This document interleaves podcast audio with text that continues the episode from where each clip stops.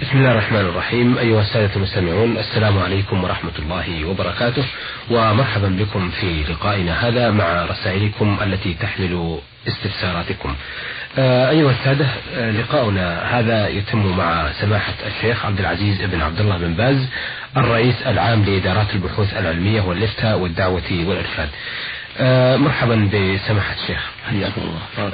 آه هذه هي الرسالة وردتنا من الشرقية بالطائف من المحتارة خضراء. آه من شارع خالد الوليد تقول كنت حاملا في ثمانية أشهر فحملت جهازا في المنزل بغير قصد وتأذى الجنين وتوفي بسبب حمل هذا الجهاز وأنا لم أقصد أداء أو أداء الجنين بل بقصد التنظيف المنزلي فهل أنا مذنبة وما هي كفارة ذلك؟ إن وجد أفيدوني جزاكم الله عني وعن المسلمين خيرا. بسم الله الرحمن الرحيم. الحمد لله وصلى الله وسلم على رسول الله وعلى آله وأصحابه ومن اهتدى بهداه. أما بعد فهذا الذي وقع من السائلة هو أنها حملت جهازا من البيت من المنزل لقصد الحاجات المنزلية والتنظيف ثم تأثر جنين.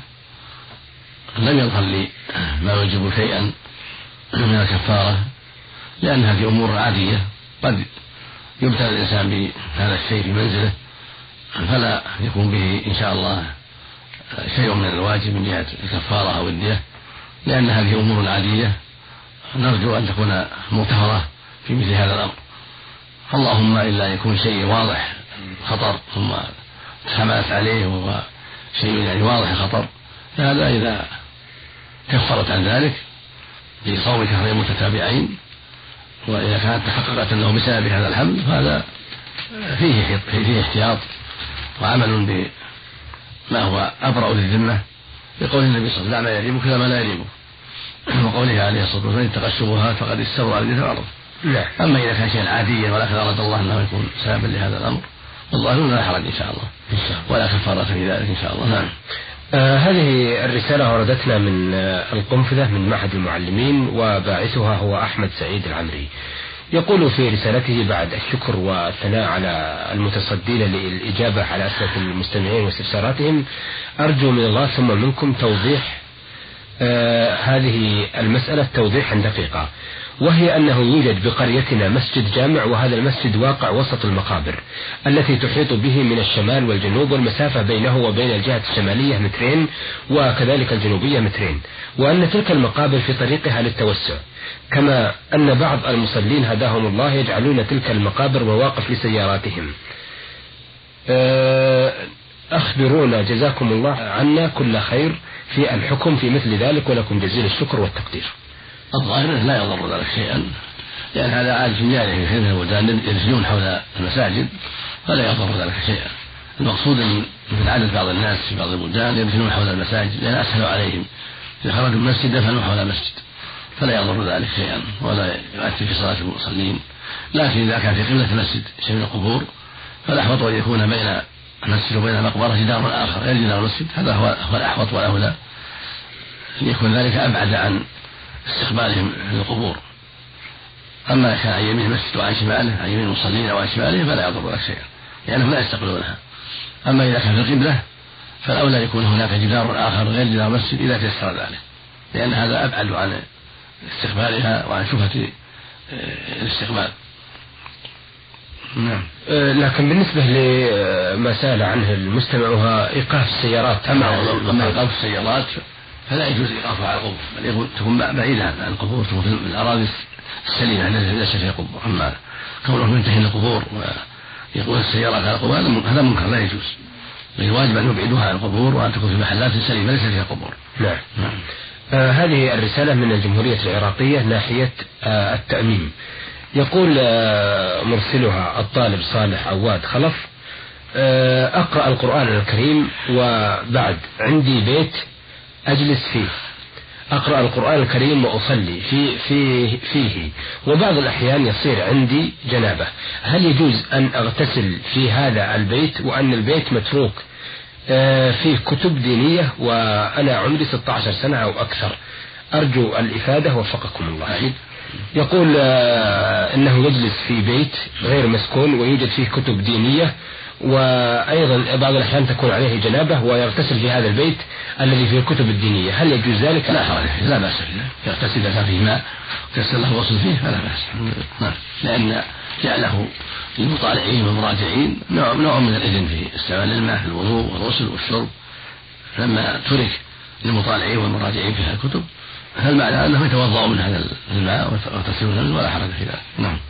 آه هذه الرسالة من آه إحدى السائلات تقول في رسالتها أختكم في الإسلام عين ميم زاء أشكر العاملين على هذا البرنامج والمجيبين على أسئلة المستمعين وأحيطكم علما بأني امرأة تزوجت ثم طلقني زوجي وأعطاني مهري جنيهات ذهب. فأخذه أبوي عند عندي. وبعد ذلك طلبته فيه فيقول لي لا أعطيك هذا المهر. ثم ترددت عليه وأخيرا قال لي لا أعطيك إياه حتى الموت. والسؤال عن هذا هو هل تجب عليه زكاة؟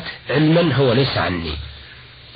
ما دام أخذه والدها فالوالد يملك أخذه إذا كانت آه، البنت مستغنية عنه أو كان يقوم بنفقتها فالمال الذي يأخذه والدها لا حرج فيه ومال ماله حينئذ. لأن الرسول عليه السلام قال أنت ومالك لأبيك. وقال عليه الصلاة والسلام إن أطيب ما أكلتم من كسبكم وإن أولادكم من كسبكم. فالوالد يأخذ من البنت أو من الذكر الذي هو ولده له أن يأخذ من ماله ما لا يضره. إذا أخذ من مال بنته ما لا يضرها أو من مال ابنه ما لا يضره فلا حرج في ذلك على الصحيح. وإذا كانت هذه البنت يضرها هذا الذهب وهي ضرورة إليه ففي إمكانها ترفع الأمر للمحكمة والمحكمة تنظر في ذلك. أما إن كانت لا يضرها ذلك لأنها غنية عنه أو لأن والدها يقوم بحالها وينفق عليها أو لأن زوجها يقوم بحالها ولا ولا تحتاج هذا المال فإن والدها لا حرج عليه في ذلك. والأولى بها ألا تخاصم. إن تيسر ذلك من دون مخاصمة فهذا هو الأولى بالسائلة. وإن كانت هناك حاجة الخصومة فالأولى ترك ذلك لأن والدها له حق عظيم وبره واجب. وقد يكون محتاجا إلى هذا المال فإذا كان مستغنى عنه أو يمكن أن تستغني عنه فهذا أولى لها وخير لها لا تخاصم أيضا هي تقول هل يجوز لي أن أغضب والدي وأخذ هذا المال بالقوة أم لا؟ وقد تفضلتم بالإجابة. طيب آه، هذه الرسالة وردت من آه، عبد اللطيف محمود علي اليماني. يسأل عن قطع الشجر الذي على القبور. يقول في رسالته سمعت ناس يقولون أن رسول الله صلى الله عليه وسلم خلق من نور وأول ما خلق أو أول ما خلق الله نور محمد صلى الله عليه وسلم ويقرؤون القرآن الكريم ويهدون ثوابه إلى الرسول صلى الله عليه وسلم. ويقول أيضا آه. يقول سمعت ناس يقولون إن الرسول صلى الله عليه وسلم خلق من نور. وأول ما خلق الله نور محمد صلى الله عليه وسلم آه أنهم يقرؤون القرآن الكريم ويهدون ثواب آه القرآن إلى روح الرسول صلى الله عليه وسلم وللأموات. أفيدونا عن صحة هذا؟ جزاكم الله خيرا. أما ما يقول الناس انه خلق من النور. هذا كله لا أصل. كونه خلق من النور. نعم اول ما خلق نور محمد. هذه إخبار موضوعة. لا أصل لها. ولا أساس لها على النبي صلى الله عليه وسلم. بل هي موضوعة مكذوبه على النبي صلى الله عليه وسلم. نعم وكذلك قوله خلق من النور لا أصل له نعم بل خلق من ماء مهين. مثل ما خلق الناس الاخرون خلق من ماء من ماء عبد الله بن عبد المطلب ومن ماء امنه أمة. ولم يخلق من النور. ولكن الله جعله نورا عليه الصلاة والسلام. جعله سراجا منيرا بما اعطاه الله من الوحي. ما انزل الله من الوحي من القرآن والسنة جعله الله نورا للناس. جعل الله سراجا منيرا بالدعوة إلى الله وبيان الحق للناس وإنذارهم وتوجيههم إلى الخير. فهو نور جاءه بعدما أوحى الله إليه عليه الصلاة والسلام. وإلا فهو بشر من بني آدم. خلق من ماء مهين من ماء, أبيه وأمه. وأما ما يقوله بعض الناس وبعض المخرجين وبعض الصوفية إنه خلق من نور أو أو أو أنه خلق من نور محمد هذه كلها لا أصل لها كلها باطلة. والله أخبار موضوعة لا أساس لها نعم. آه، أيضا يقول لي والدي كنت أجمع آه، هذا الدعاء وأنا أشاهد اللوح المحفوظ. لا أيضا قبله يقول في إهداء قراءة القرآن الكريم لروح الرسول أو هذا لا أصل أيضا. إهداء القرآن ليس بمشروع ولا فعله الصحابة رضي الله عنهم والخير في اتباعهم. ولكن الرسول صلى الله عليه وسلم يعطى مثل أجورنا ما فعلنا من خير فله من أجورنا لأنه الدال على الخير عليه الصلاة والسلام. وقد قال عليه الصلاة والسلام دل على خير فله مثل أجر فاعله. فهو الذي دل أمته على الخير وأرشدهم إلى الخير فإذا قرأ الإنسان أو صلى أو صام أو تصدق فالرسول يعطى مثل وجود هؤلاء من أمته لأنه هو اللي دلهم على الخير وأرشدهم إليه عليه الصلاة والسلام. أما أن يقرأ ويهدي له فلا فليس لهذا أصل ولولا ترك ذلك. اللهم صل عليه وسلم. نعم. اللهم صل على سيدنا رسول الله. أيضا يقول أن كذلك الاموات ليس له أصل. فلولا ترك ذلك. وبعض أهل العلم يجوز أن يقرأ الإنسان الحزب من القرآن أو الختمة. ثم يقول الله جل وعلا لأبي أو لأمي. أجاز هذا جمع من أهل العلم. وآخرون قالوا ترك ذلك اولى لأن لم يرد عن النبي صلى الله عليه وسلم ولا عن الصحابة. فالاولى تركه. وهذا هو الأرجح.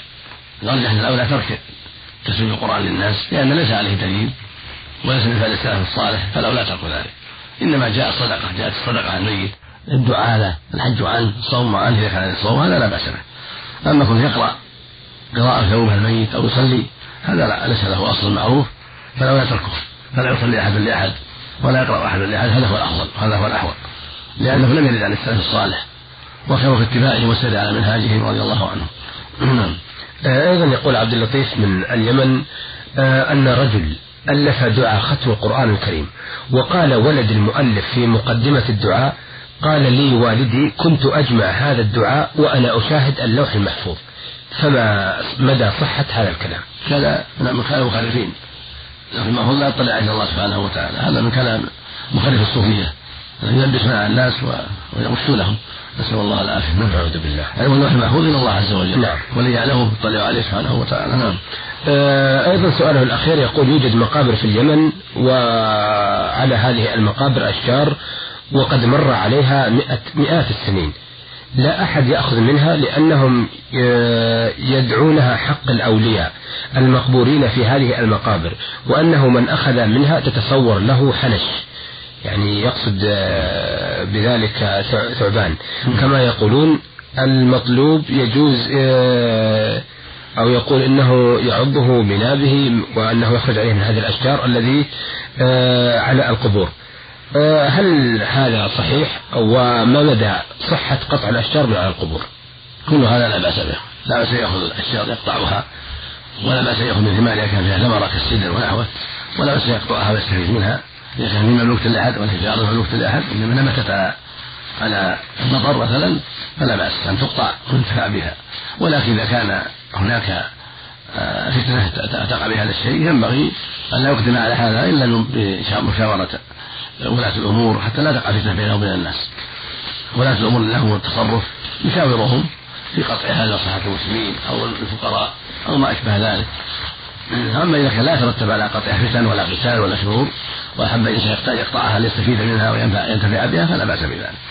أما قوله أنها لحرمة القبور أو لكرامات الأولياء أو لكذا أو لكذا هذا لا أصل له. أو إن من أخذ منها يسب حنش أو كذا هذا من تلميس الملبسين ولا أصل لهذا الشيء. فلا بأس أن تؤخذ وتقطع ولا بأس أن تكال ثمارها كان فيها ثمر ولكن إذا كان قطعها قد يترتب عليه شيء من النزاع بينه وبين الناس أو القتال أو شيء من الفتن.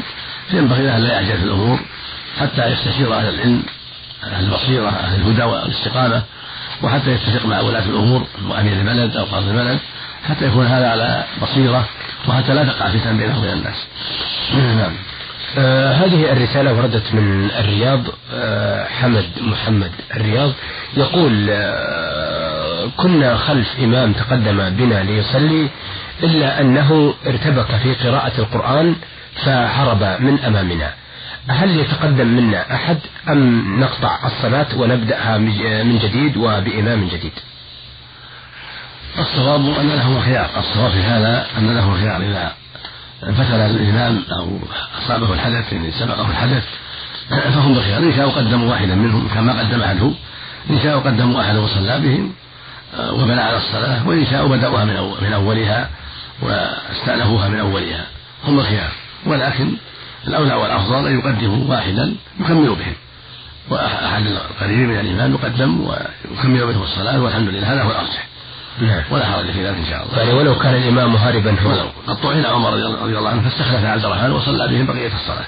نعم. عبد الرحمن عوف نعم أحسنتم. أيها السادة إلى هنا نأتي على نهاية لقائنا هذا الذي استعرضنا فيه أسئلة السادة.